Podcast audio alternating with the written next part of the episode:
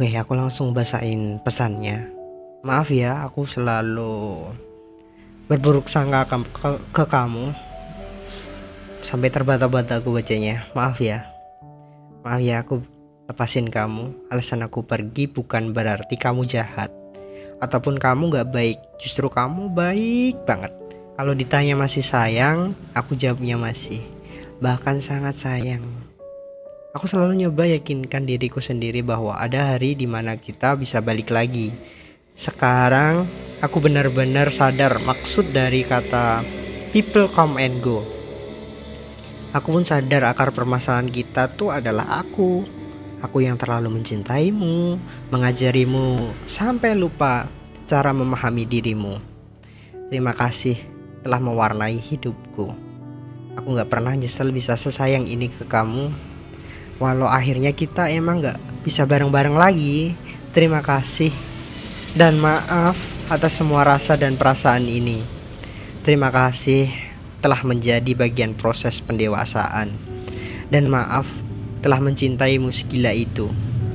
Perpisahan ini nggak buat aku mati rasa tapi hanya membuatku sulit untuk percaya bahwa aku sedang dicintai. Terima kasih sudah memahami Terima kasih untuk waktu, cerita, bahagia. Cerita yang selalu ingin kamu bagikan denganku. Selalu mendengar keluh kesahku dan menjadi orang yang kamu percayakan untuk menceritakan yang semua orang gak perlu tahu. Maaf. Maaf karena udah jadi manusia egois, gak berharap akan bareng-bareng terus.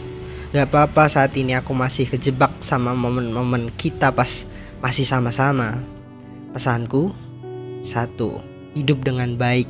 Aku hanya kurang beruntung memilikimu dan kurang mengerti keinginanmu. Jika suatu saat kita bertemu kembali, percayalah, aku sudah melewati masalah di kepalaku untuk bisa melupakanmu. Aku hanya kurang beruntung dalam memperlakukanmu menjadi pasanganku. Tapi nggak apa-apa. Tidak denganmu, maka tidak juga dengan orang lain. Selamat menjalankan perjalananmu. Hati-hati dan see you. Mungkin itu episode malam ini. Jadi buat yang kalau kata orang people come and go, yang penting uang jangan come and go. gak apa-apa, gak apa-apa. Kita boleh sakit hati, boleh patah hati, tapi jangan berlarut-larut. Nanti pasti kita bertemu dengan jodoh kita. Mungkin itu episode malam ini. Sekian, sampai jumpa episode di minggu depan di podcast Dua Hati.